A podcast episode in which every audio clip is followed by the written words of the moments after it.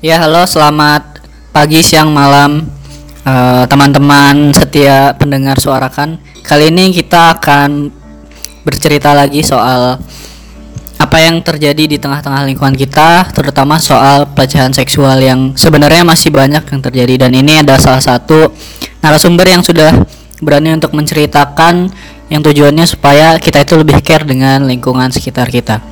Check it out dari hmm, aku aku dia satu divisi, terus dia satu divisi. Pertama kali ketemu di situ, ya ngobrol nyapa seperti biasa, Eh, jalan bareng berdua. Jalan setahun baik-baik aja. Mulai kerasa itu ketika aku ada kegiatan di kampus Eh, kalau di jurusanku ini kayak di wah itu di di awal tahun 2017 itu aku harus mana ya waktu itu ya? eh aku itu harus pokoknya ke hutan gitu untuk praktikum gitulah tapi itu di saat liburan. Dan kondisi sinyal udah biasa aja. Kayak eh, akhirnya susah kontakan sama dia kan. Jarang banget kontakan. Aku pun kontakan pun cuman balas sekali terus aku udah capek tidur. Ya namanya di hutan di lapangan tau lah ya jurusan gimana Ah, ternyata ketika aku udah selesai itu tiba-tiba pas aku balik aku mulai kuliah lagi seperti biasa.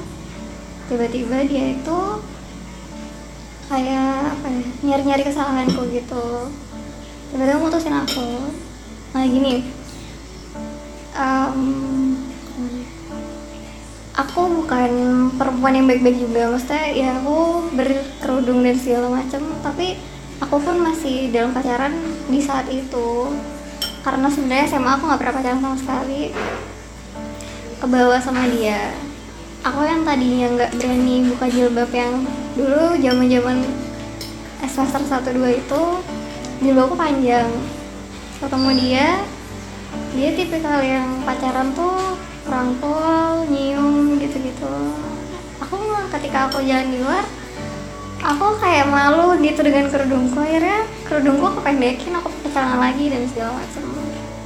Dan dia pun dan dia pun yang sering minta kayak kamu cantikan buang kerudung deh. Kamu buka kerudung aja gimana? Kayak gitu nggak mau sih. Tapi karena dia waktu itu bawa mobil akhirnya ya kalau lagi benerin kerudung aku suka buka kerudung gitu gitu lah karena pertama kali dia tahu aku nggak pakai kerudung itu karena aku lagi benerin kerudung itu pun sebenarnya nggak aku buka semua kayak dia ngintip-ngintip doang gitu. Nah dia nyari kesalahanku. Ya aku gak pernah ceritain ke semua orang. Jadi intinya aku mohon-mohon sama dia kenapa kamu mutusin aku dan segala macam terus dia yang oh enggak kalian nyerang. Nyerang aku secara fisik. Bukan kekerasan. Nyerang secara fisik. Megang badanku nyium aku. Habis itu dia lepas lagi. Aku udah ngerasain itu. Jadi cara dia buat tahu apa ya maksudnya meyakinkan aku bahwa dia tuh udah gak ada perasaan sama aku dengan cara gitu jujur nggak ngerasa sama sekali nggak ngerasa dihargai sebagai perempuan maksudnya sebagai perempuan aja tuh nggak gitu. Nggak usah, nggak usah sebagai pacar deh sebagai perempuan aja. Nggak dengan cara ngetes fisik kayak gitu untuk tahu sayang atau enggak. Dan kondisinya kalian tahu berat fisiknya jauh lebih besar daripada aku jadi aku ngeberontaknya nggak bisa. Dalam kondisi aku yang udah sayang sama dia. Ternyata aku tahu dia selingkuh. Dia pas aku lagi praktikum di hutan itu dia kalau ketemu sama perempuan lain yang katanya kalau perempuan ini tuh apa ya dia tuh uh, bebas gitu lah intinya. Yang having sex with semuanya. Katanya katanya lagi aku nggak tahu ya bener ini bener atau enggak. Cuma diceritain sama cowok mantanku ini. Hmm, dia kayak gitu itu karena dulu ketika SMA itu dia pernah lagi ngedrop terus dijailin sama temennya diajak tidur. Akhirnya dia ngerasa ketika tidur sama laki-laki itu sesuatu yang apa ya bikin dia jadi ngerasa ada temennya. Jadi ketika dia kesepian dia akan cari cowok buat kayak gitu. Amin banyak mungkin itu beneran mungkin banyak. Tapi aku taunya dia ini jadi si cewek ini yang sayang sama dia ini tuh dan pokoknya ya dengan nggak tahu sih kayak Allah tuh ngasih tahu aku gitu bahwa dia itu tidur di apartemen sama si cewek ini. Terus aku tahu dong aku nanya kayak kamu mau sampai kapan? Kayak gini. Aku labrak lah di rumah kamu sampai kapan? Kayak gini. Terus akhirnya dia minta maaf sama aku sujud-sujud dan segala macam. Pokoknya sinetron Indosiar kalah lah. Kadang nggak karena tadi kita nggak dikasih tahu sama orang tua kita seharusnya ketika ketemu cowok seperti apa jadi nggak tahu harus ngapain. Ketika diajak ke mana-mana cuma berdua. Dia pernah maksa. Saya kalian tahu aku bisa yang buka kerudung bisa ciuman dan sama dia kayak gitu. Ya aku tahu itu juga murni salahku. Tapi apa ya? Aku tetap tahu batas gitu. Aku aku tetap ada yang menurutku aku nggak mau dan apa ya melakukan hubungan suami istri di luar nikah itu menurutku itu enggak kalau apa ya dipeluk dicium kadang mungkin aku masih merasa butuh ya. Apalagi sama teman gitu. Dan dia memaksa. Masa aku pernah ngerasain dipaksa. Dia coba masukin itunya ke aku dan aku nggak mau. Dan aku bingung mau cerita siapa. Orang-orang taunya dia baik-baik aja. Ibunya selalu belain dia. Dan aku gak mungkin cerita sama orang tuaku aku gak mau. Aku selalu bilang sakit. Sakit. Dan dia tetap kayak gitu. Padahal kejadiannya udah satu tahun lalu. Dan ini sekarang aku udah punya cowok lagi tapi tetap ya aku tahu sekarang dia punya cewek lagi. Ceweknya berkerudung cek storynya dia? Di storynya dia tuh dia nggak pakai kerudung kayak aku takut dia mempersuade perempuan lain untuk melakukan apa yang dia mau. Dan di zaman kita sekarang kayak gini kita bisa apa? Aku ngerasa waktu itu nggak bisa apa-apa. Bahkan waktu itu aku cuma butuh lari dari situ butuh lupa. Nggak ada yang notice. Nggak ada yang notice kenapa tiba-tiba aku hilang terus tiba-tiba aku datang lagi. Ya aku berharap dari cerita aku ini kalau ada temen yang hilang tiba-tiba datang tiba-tiba pengen gabung lagi sama kalian terus notice. Hmm, hal kayak gini emang nggak mungkin diceritain. Kayak aku berani nyeritain karena jujur aku ke trigger banget nggak tahu ya. Aku tahu eh aku tahu kalian itu setelah aku ngeliat story ceweknya dia sekarang. Pas banget kan. Aku ke trigger banget kan. Dia mau sampai kapan gitu perempuan? Aku masa gini aku setelah sama dia kayak ya udah dia sama perempuan lain terserah. Aku kayak cuma berdoa dia nggak melakukan hal kayak gitu lagi ke perempuan lain. Nggak nggak bikin perempuan yang tadi yang udah baik-baik dia papain walaupun dia yang salah tetap aja. Aja. Setelah mengalami semua itu mbak, mbak merasakan apa dan apa saja tindakan yang mbak lakukan? hmm, karena waktu masih kuliah. Jadi sibuk banget ngelari dirinya sibuk. Maksudnya ya balik lagi balik ke Allah sih. Pasti balik ke Allah kayak dan ya kalau ini kalau aku ya kayak aku sibukin kuliah atau proyekan tentang asdos aku pernah sampai ngasdos tiga praktikum sekaligus. Jadi aku berangkat berangkat pagi pulang malam berangkat pagi pulang malam coba buat ngapain itu. Kayak kadang kok sibuk kok sibuk banget sih kamu gitu gitu kan. Ya nggak apa-apa pengen padahal aku cuman pengen lari dari itu pengen lari dari kan gak pengen itu. Karena sampai sekarang ada yang paham. Menurutku sih nggak akan ada yang paham kecuali orang yang benar-benar ngerasain itu. Kadang ada orang yang ya udah sih tinggal lupain aja udah sih nggak usah nggak usah bareng sama cowok kayak gitu. Ya kadang ninggal ninggalin ninggalinnya yang susah. Karena kita udah sayang tapi kita digituin dia juga bukannya bukan apa ya kayak aku diteriakin didorong di- ditarik keluar dari mobil padahal itu di dan gak ada ditarik keluar mobil. Ah, ada udah macam-macam lah itu kalau boleh tahu gara-gara apa? Berantem. Maksudnya kalau berantem omongan doang nggak apa kan? Dia dia tuh gebrak meja.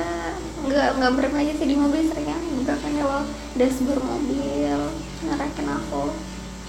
Diterakinnya kata-kata kasar gitu sebenarnya nggak nggak apa ya nggak kan kalau diterakin masih nggak apa-apa lah ya kalau udah mulai ditarik didorong itu sih ada fisik gitu ya Mbak? Ya. Oh jangan apa ya jangan ngera, jangan ngira bahwa kekerasan tuh cuma dalam rumah tangga doang. Bahwa dalam pacaran tuh banyak banget. Dan jangan bilang kayak ih cewek tuh lemah banget. Em, ketika kita di posisi itu, aku pun dulu merasa kayak gitu kayak ih kenapa kalau ada kekerasan rumah tangga ya udah sih tinggal kabur dari suaminya aja. Kayak gampangnya kayak gitu kan padahal nggak segampang itu. Kondisinya kita sayang sama cowok ini. Kondisinya kita apa ya udah bener-bener nyaman sama dia. Jadi kayak ngerasa diapain tuh maksain diri untuk maafin dia. Loh. Itu defaultnya rata-rata perempuan gitu itu menurutku sih. Karena banyak banget yang gitu. Kayak nggak cuma aku aku denger nggak cuma aku doang. Kalau kekerasan fisikal ya. Kalau menanggapi kasus yang lain mbak sikapnya seperti apa? Ketika hal seperti itu. Aku belum pernah ngedenger ada yang dipaksa. Maksudnya kalau aku kan cenderung dia yang agresif maksa gitu kan. Eh, ada temanku yang dia terlanjur melakukan dan dia menyesal sih. Lebih banyak yang kayak gitu ya aku cuman bilang maksudnya coba dipikirin lagi. Kira-kira dia itu bagus nggak buat masa depanmu? Dan kamu happy nggak? Buat apa kamu? Apa ya bareng sama orang yang nggak bikin kamu happy walaupun kamu sayang? Walaupun kamu sayang. Um, yang penting bikin kamu happy aja. Agak egois but mending kayak gitu. Kalau buat aku sekarang mending kayak gitu. Dan ya udah dekat sama Allah lagi balik sama Allah lagi gitu aja sih jadi itu pelajaran jangan sampai hal kayak gitu apa ngeberhentiin hidupmu. Karena hidupmu gak cuma itu. Ada kuliah ada karir ada kerjaan. Balik ke kasusnya lagi mbak. Itu dia maksa ya satu kali itu atau pernah beberapa kali. Beberapa kali. Beberapa kali. Kondisinya tuh dia punya rumah. Dia sendiri di rumah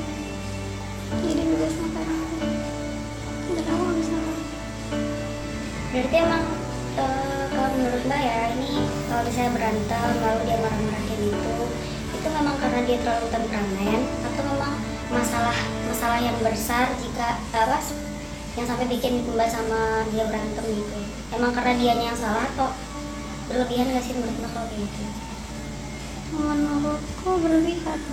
Karena aku nggak pernah digituin sama cowok mana pun selain sama dia dan kadang bukan masalah yang gede kok. Cuman sometimes aku butuh sendiri kayak aku udah mau sendiri dia tuh yang nggak nggak ya nggak terima kalau aku mau sendiri dulu gitu loh. Ya gitu aja sih. Ya cuman kalau itu hal yang nggak terlalu besar sih. Kalau dipaksa kayak gitu sih yang masih memisahkan aku. Aku sampai sekarang masih suka nangis nangis sendiri di rumah. Kalau ingat kalau nonton TV ada kayak gitu apalagi kan banyak orang yang aware gitu loh kalau apa ya kalau ada temen punya pacar terus tiba-tiba dia hilang coba dideketin lagi. Kali jadi punya masalah sama pacarnya itu atau apa ya dia diancam apa apa sama pacar kita nggak yang tahu. Ya kita nggak bisa ngelarang untuk pacaran ya walaupun dalam agama nggak boleh cuman sebagai teman kayaknya ngejaga teman tuh wajib. Karena aku nggak punya itu ketika aku merasakan pun nggak tahu yang ngalamin hal kayak gini. Nggak keren banget sih mbak Iya. ininya. Itu dengan berbagai macam apa ya tapi kita emang cenderung ekstrem sih maksudnya dia pun waktu aku nggak mau balik lagi sama dia yang dia minta dia mesti selingkuhin aku terus dia aku tahu. Terus kayak kamu ngapain dia pertemuan kayak aku tabrakan kamu ngapain tidur sama dia? Tidur sama dia. Terus kayak enggak dia bilang kayak enggak enggak tapi ngomong minta maaf kayak aku yakin mereka udah nggak ngapain lah. Orang cewek juga gampang kan. Terus dia tuh yang kalau aku nggak maaf dia tuh dia yang udah uh, apa ngancem ya udah mati aja lah. Dia udah bawa bawa tali tambang kayak gitu gitu lah pokoknya sinetron Indonesia Indosiar kamu deh. Kayak aku pernah ngerasain hidup yang so drama itu kayak udah capek dengan drama-drama dalam hidup pribadi. Ya kenapa ya? Kayak kadang iri gitu sama temen yang apa hidupnya kayaknya enak-enak. Capek sih aku tahu sih. Kadang mereka capek di organisasi rapat nggak pernah datang dan segala macam. Terus kayak ya Allah nggak tahu aja. Itu dia mulai melakukan hal-hal yang di luar ekspektasi sejak berapa lama pacaran? Sejak lebih dari 8 bulan pacaran. Selama 8 bulan pacaran? 8 bulan. 8 bulan tuh baru kelihatan. Jadi kayak setengah tahun tuh masih baik-baik aja. Itu kayak cowok. Kalau sekarang mbak ada ketakutan nggak menjalin hubungan atau nanti ke depannya? Sangat. berarti trauma ya Mbak ya? sangat. Yang pacar baru mbak udah berapa lama? Ini jalan 7 bulan tujuh Dan apa namanya? eh, menurut mbak dia mengobati nggak? Maksudnya tak kehadiran dia itu nggak berarti sama sekali atau justru malah memberikan sesuatu yang positif untuk mbak? Hmm, karena tujuan ingin membuka lembaran baru ya nggak mau pasti ingat sebenarnya ingat tapi sebenarnya pengen nutup banget cuma pasti ingat terus ya apa ya alhamdulillah dia tuh orang yang kalau dulu emang mantanku yang ini kayak sering banget makan berdua nih. Aku sholat terus kayak aku sholat dulu ya. Oh iya dia kan dia jagain tas lah lah aku sholat dulu nih. Aku balik kirain tuh dia gantian sholat gitu enggak aku tungguin apa sejam kemudian tuh enggak nggak sholat. Maksudnya itu penting. Itu Iya. penting banget ketika ada cowok yang nggak sholat tuh sang sholat dipertanyakan dulu. Kenapa dia nggak tuh? Harus banget harus banget dipertanyakan terus pokoknya dia nggak peduli sama agama kayak ya kalau sholat sesukanya dia aja dia lagi pengen dia sholat. Kalau enggak ya enggak kalau yang sekarang nih uh, menjaga sholatnya. Ya, terus menjaga sholatnya. Terus yang nggak pernah apa ya kita pun bersentuhan juga jarang. Memang dia komit. Ya aku maunya apa ya menghargai kamu sebagai wanita emang dia ngomong kayak gitu. Jadi aku nggak megang kamu dan segala macam tuh karena itu gitu. Dan aku setuju ya udah akhirnya kita jalan. Lebih apa ya ngelihat ya ngelihat personalnya seperti apa sih. Kalau dibilang nyembuhin kayak tuh tetap butuh waktu lama deh. Tetap nah aku sebenarnya gak takut menikah karena itu. Karena ketika menikah perempuan berkewajiban satu satu kewajibannya tuh itu gitu ya ada kan kewajibannya gak di itunya gitu mungkin nggak apa-apa. Ya mungkin nanti kalau udah di umur umur udah mulai serius bakal ngomong sih pelan-pelan sama calon suaminya nanti. Nggak berani nggak mau lagi takut semua cowok kayak gitu. Karena itu baru satu cowok kan takut apakah semua cowok akan semua melakukan itu ketika berhubungan Dan yang mantan Mbak itu pacar pertama Mbak?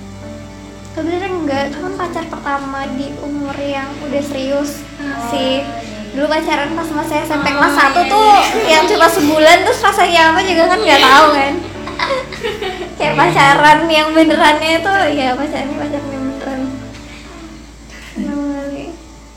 ya lebih sama lebih aware sama teman-teman yang punya hubungan maksudnya kita nggak punya hak untuk melarang tapi di cerita ini lah di kalau dia tiba-tiba datang ke hidupku nih kenapa nih dia tiba-tiba datang? Ada apa nih? Takutnya dia ada masalah. Kalau teman sendiri mbak mengharapkan teman seperti apa sih mbak ketika menghadapi masalah seperti itu? temen yang tidak mengerti temen yang apa ya yang gue nggak berani berharap juga sih karena aku udah pernah mencoba cerita ke satu temanku perempuan dan kondisinya dia apa ya gini rata-rata orang tuh menurutku ngerasa masalahnya dia adalah masalah yang paling besar. Dia membandingkan masalah dia membandingkan masalah akhirnya jatuhnya dia membandingkan masalah bukannya support sama akunya akhirnya membandingkan dengan masalahnya dia. Karena dia pun tidak pernah merasakan apa yang pernah aku rasakan dan aku pun begitu. Jadi memang apa ya ya teman bukan psikolog sih. Jadi aku juga yang nggak berharap gimana gimana. Lebih ke jujur kadang apa ya? Hmm, ya teman-teman organisasi sih yang paling menurutku yang harus berperan malah bukan teman personal. Soalnya teman organisasi tuh bias nggak yang ikut campur banget tapi bisa mengalihkan kalau teman deket kan eh, kadang takut apa ya dia campur segala macam. Nggak semua. Aku sih jujur nggak suka kalau tiba-tiba dia ikut campur sama mantanku itu nggak suka. Kayak cukup alihkan perhatianku dan support aku. Hubungan komunikasi dengan mantan sekarang gimana? Putus dia ngeblok aku. Dia yang pergi. Gini aku karena aku belum nggak belum pernah ngapa-ngapain sama laki-laki sebelumnya. Ya cenderung anak yang SMA-nya berangkat sekolah pulang sekolah ngerjain tugas pulang. Dapat universitas yang bagus yang kayak gitu-gitu lah. Nggak pernah mikirin pacaran. Em, dan aku udah pernah melakukan hal seperti itu sama dia. Walaupun gak sejauh itu sih cuman kayak tetep lah kamu cuman pelukan tuh kayak kamu ngerasa udah dia apain udah pernah ngapa-ngapain. Berat. Kayak kok tega dia ninggalin aku lagi? Yang kayak gitu gitu ngedrop. Aku nggak makan dua hari. Kerjanya nangis doang. Dan itu berlanjut sampai satu semester sebenarnya. Sampai akhir Desember. Baru bener-bener nangis ya. Berhenti. Dulu tuh hampir tiap hari nangis. Hampir hampir tiap nangis dan ya di saat itu sedih banget. Kayak entah kok gue jadi perempuan gak dihargain sama sekali sih. Kayak sumber senggak berharganya apa? Kayak enak banget dia make terus buang gitu aja dengan alasan ya aku udah gak sayang sama kamu kayak gitu. Kacau lah. Di sem- di semester itu tuh kacau. Itu di akhir 2017 tuh kacau banget. Apa ya? Dan kadang rasanya pengen udah mati mati aja lah mati aja kayak gitu. Mati nah cuman waktu itu aku punya teman dekat tiba-tiba punya teman dekat. Cowok sih. Cuman kita kayak teman aja karena satu wilayah kan. Dia dari Jakarta aku dari Jakarta. Kalau aku udah mulai aneh-aneh kayak aku udah mulai nangis-nangis aku udah mulai pegang silet aku udah mulai pegang gunting atau segala macam. Karena nggak tahu aku punya dan ini baru kuliah gitu loh. Aku dan aku masih bingung kenapa aku bisa ngelakuinnya tuh. Kayak sakitnya di sini tuh kan aku mudahin gitu loh. Karena aku nyakitin diriku sendiri. Kayak nyilat tanganku lah apain badanku lah yang kayak gitu. Jadi waktu itu karena punya temen itu pas udah mulai nangis aku telepon dia. Jadi dia yang datang ke rumah dia mengambil semua silat gunting dan lain-lain. Kayak padahal dia nggak tahu apa dia nggak pernah tahu alasan aku nangis kayak gitu apa ya udah kayak cheerful di mana aja terus baik-baik aja. Ternyata aku kayak gitu. Ternyata aku bukan perempuan baik-baik. Aku masih rasa kayak gitu? Aku bukan perempuan baik-baik. Aku masih bisa digituin sama laki-laki. Ya orang kan nilai aku seperti apa kalau aku yang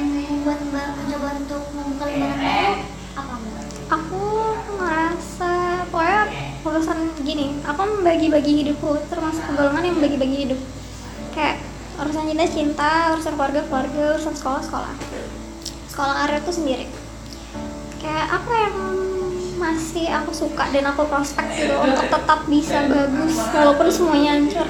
Uh, dengan kondisi seperti itu dengan masih ngedrop masih yang nyari psikolog sana sini tapi nggak bisa cerita tetap nggak bisa cerita psikolognya ngerjain skripsi kondisi itu sebenarnya nggak enak tapi kayak itu satu-satunya cara buat ngebuktiin aku tetap bisa melakukan hal yang baik di dunia ya nyelesain kuliah terus sekarang cari kerja kerja. Itu doang sih. Kalau lembaran baru yang lain tuh sebenarnya datang begitu saja. Yang penting berdoa aja. Udah udah nggak tadinya tuh usaha usaha banget nyari cowok baru. Tuh usaha banget. Nggak nggak dapet dapet kan. Kayak cuma buat pelarian doang karena niatnya nggak bagus juga mungkin. Berarti mbak udah pernah mencoba untuk kasih kalau tapi gue bisa cerita. Em, psikolognya ini nggak tahu kenapa aku dapet psikolog yang udah jauh umurnya di atasku. Jadi aku takutnya dia tidak tahu kondisi zaman sekarang seperti apa makanya aku kayak mungkin kalian lebih ngerti karena kalian masih umurnya nggak jauh beda dari aku. Tuh takutnya aku yang disalahin. Aku masih ngerasa takut kayak kamu sendiri nggak bisa jaga diri dan segala macam. Banyak banget yang masih banyak banget orang tua yang masih kayak gitu. Bukan yang apa ya, diajarin ketika ketemu sama cowok tuh cowok tuh pikirannya kayak gini loh. Cowok tuh bisa kayak gini loh. Bukannya kayak gitu loh. Nanti kamu kayak gini kalau kayak gini bilang ya sama orang. Tua gak ada orang tua yang kayak gitu. Nggak apa-apa ketika dua-duanya memang menyetujui gitu. Yang salah kan ketika satunya yang satunya nggak setuju. Nah, terserah itu konteks di luar nikah atau di dalam pernikahan. Tapi ketika kalau udah nggak masukin agama kan kayak gitu ya tapi ketika masuk agama kan nanti kan berbeda beda lagi. Kayak konteks umumnya dulu deh. Ketika ada dua orang yang melakukan hubungan seperti itu dan mereka sama-sama setuju it's okay. Tapi juga mereka gimana caranya sadar konsekuensinya seperti apa. Tapi gimana kalau ketika yang satu nggak tahu apa apa tapi yang satu tahu banget yang satunya cuma disuruh-suruh doang. Terus kayak dia mau mau aja belum tentu loh itu salah dua-duanya. Karena kita nggak dapat apa-apa dari orang tua. Orang tua kita nggak pernah tahu kita harus ngapain ketika dia ngajak kayak gitu Itu sekarang eh, setelah yang mbak lalui semua itu sekarang banget nih mbak udah ngerasa baik-baik aja? Atau belum untuk dukungan lagi. Oh masih butuh support lagi atau seperti apa gitu? Aku belum bisa maafin dia sih sama sekali. Kayak cuma lupa beberapa saat tapi kalau keinget terus ke trigger pasti nggak banget. Dan belum bisa maafin dia. Kayak pengen dia minta maaf ke aku gitu. Karena dia nggak pernah melakukan itu. Aku masih cerita masih nangis means aku nggak baik-baik aja sih masih trauma. Tapi belum ada yang paham aku traumanya sejauh apa. Mungkin aku nggak bisa prediksi sih tapi mungkin kayak gini tuh nggak bisa cepat hilangnya. Paling benar-benar bahkan mungkin sampai aku menikah karena umurku udah dua-dua kan ini sampai andai kan aku menikah di umur 25 pun aku masih ingat itu. Mungkin ini benar-benar hilang ketika aku udah punya anak maksudnya udah ada masalah yang satu step di atas ini gitu. Yang biasanya membuat kayak triggernya sendiri apa? Nonton TV kalau ada acara-acara yang menyiarin kayak gitu yang semacam itu. Terus artikel. Pokoknya sesuatu yang berkaitan sama itu. Mbak menyalahkan diri sendiri? Dulu ya? Sekarang? Enggak enggak. Enggak kan aku nggak akan maju ketika aku kayak gitu terus. Tapi itu prosesnya jangan dibilang kayak sebulan gitu mah itu setengah tahun sendiri itu kayak gitu. Nyalain diri sendiri tuh setengah tahun sendiri. Aku benar mulai baik-baik itu awal tahun ini baru mulai better. Itu pun baru mulai. Belum sepenuhnya. Tapi kalau uh, ketika ketemu sama yang baru ini jalan bareng ya itu agak mengobati sebenarnya. Mengobati apa ya tadinya aku udah nggak punya harapan nih kayak udah hancur kayak aku udah say- cuma sayang sama dia tapi dia kayak gitu. Terus kayak oh ternyata ada harapan lainnya kayak lebih ngasih harapan aja sih. Cuman kalau buat trauma kayak itu hal yang berbeda sih kalau trauma. Itu takut takut nikah. Tapi kalau lagi teman-teman gue kayak eh nikah nikah andai kan perempuan tidak harus kayak gitu gitu kan? Gue nggak apa nikah. Masa harus? Kayak apa ya emang diwajibkan untuk melayani gitu mbak nggak ada keinginan untuk nyari psikolog lagi atau gimana? Mungkin nanti kalau udah apa ya sekarang sih enggak sih karena fokusku lagi nyari kerja lagi lagi bangun karir lah. Nyari kerja sesuai nyari ilmu sebaik-baiknya sih mungkin nanti kalau udah menjelang menikah aku akan coba cari psikolog karena itu harus diceritain ke calon suamiku Kayak harus lebih wise. Jujur aku ngerasa jauh lebih wise setelah maksudnya lebih apa ya lebih dewasa setelah melewati lalalala trili itu karena itu nggak gampang sih capek. Ada nggak yang mbak pengen sampaikan ke orang-orang yang mungkin juga pacaran terus dia baru nemu cowok yang di masa seriusnya kayak gitu? Pesan yang mbak pengen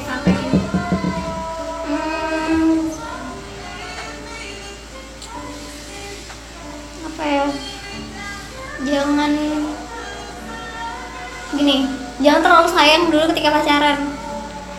Jangan terlalu sayang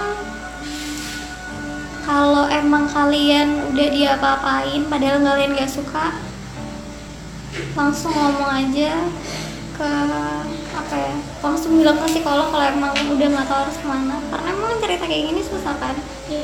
Susah kayak jarang ada tempatnya gitu loh jarang ada yang mau paham aku cerita sama kalian kayak apa lagi? Kayak rasanya dulu tempat aku pernah kayak aku pengen deh nampung teman-temanku yang ngerasa kayak gitu. Karena nggak cuma aku doang banyak. Ada yang dulu dia pernah berhubungan terus ditinggal sama cowoknya gitu aja diputus sama cowoknya gitu aja cowoknya pergi.